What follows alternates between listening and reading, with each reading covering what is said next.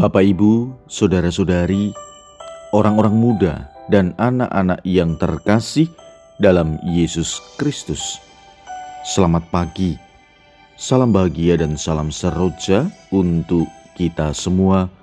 Berkah dalam bersama dengan saya, Romo Antonius Garbito Pambuaji, menyampaikan salam dan berkat Allah yang Maha Kuasa dalam nama Bapa dan Putra dan Roh Kudus. Amin.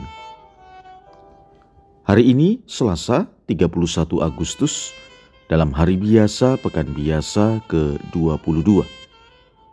Bacaan pertama dalam liturgi hari ini diambil dari surat pertama Rasul Paulus kepada jemaat di Tesalonika. Bab 5 ayat 1 sampai dengan 6 dilanjutkan 9 sampai dengan 11. Bacaan Injil diambil dari Injil Lukas bab 4 ayat 31 sampai dengan 37.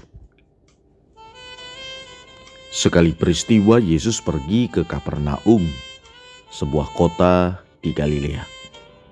Di situ ia mengajar pada hari-hari Sabat. Orang-orang takjub mendengar pengajarannya sebab perkataannya penuh kuasa. Di rumah ibadat itu ada seorang yang kerasukan setan. Ia berteriak dengan suara keras, "Hai engkau Yesus orang Nazaret, apa urusanmu dengan kami? Engkau datang hendak membinasakan kami? Aku tahu siapa engkau. Engkaulah yang kudus dari Allah. Tetapi Yesus menghardik dia, katanya, "Diam, keluarlah daripadanya." Maka setan mengempaskan orang itu ke tengah-tengah orang banyak, lalu keluar daripadanya dan sama sekali tidak menyakitinya. Semua orang takjub, lalu berkata satu sama lain, "Alangkah hebatnya perkataan ini! Dengan penuh wibawa dan kuasa ia memberi perintah kepada roh-roh jahat dan mereka pun keluar. Maka tersiarlah berita tentang Yesus ke mana-mana di daerah itu. Demikianlah sabda Tuhan. Terpujilah Kristus. Setelah Yesus ditolak di tempat asalnya ia menuju kota Kapernaum. Ia mengajar di sana dan melakukan mujizat. Semua orang yang mendengarnya menjadi kagum karena perkataan Yesus yang penuh kuasa.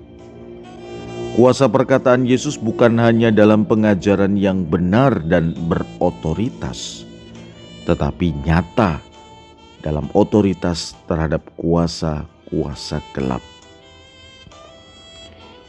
Menarik dikisahkan dalam Injil hari ini bahwa roh jahat hadir dalam rumah ibadat mendengarkan Yesus mengajar.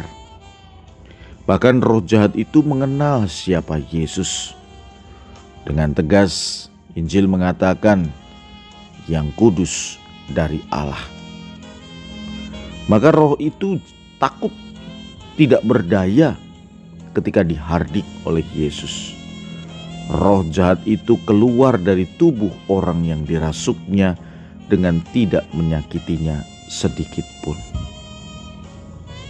Saudara-saudari yang terkasih, dalam kehidupan kita sehari-hari, kita sering kali mengatakan bahwa Tuhan ada di mana-mana tetapi pernahkah kita juga menyadari bahwa setan pun ada di mana-mana? Dalam sabda Tuhan hari ini jelas bahwa setan ada di mana-mana, bahkan ia turut hadir dalam doa-doa kita, dalam ibadat-ibadat kita. Ia menyusup dalam diri manusia ia menyamar, tetapi Yesus mengenalinya. Saudara-saudari yang terkasih, pertanyaannya, bagaimana kita dapat mengenali Dia? Bagaimana kita dapat mengenali setan dalam kehidupan kita?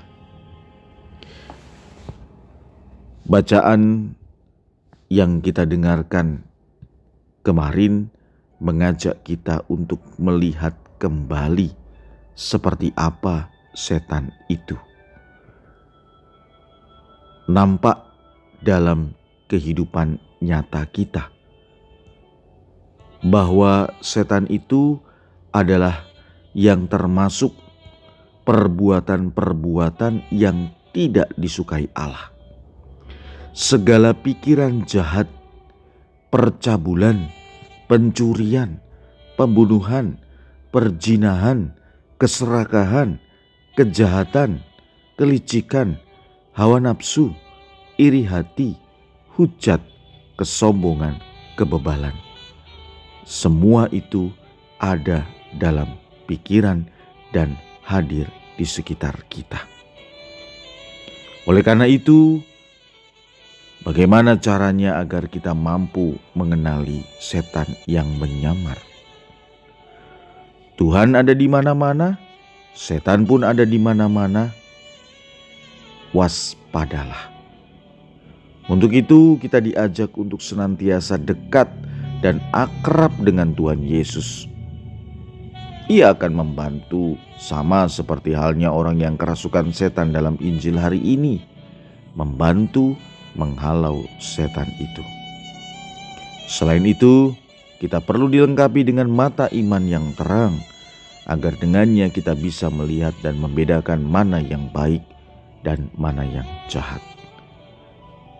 Marilah kita berdoa. Ya Tuhan, bantulah dan mampukanlah kami untuk dapat menangkap hal-hal baik di sekitar kami dan mengembangkannya serta menghasilkan buah. Dekatlah kami bersama denganmu.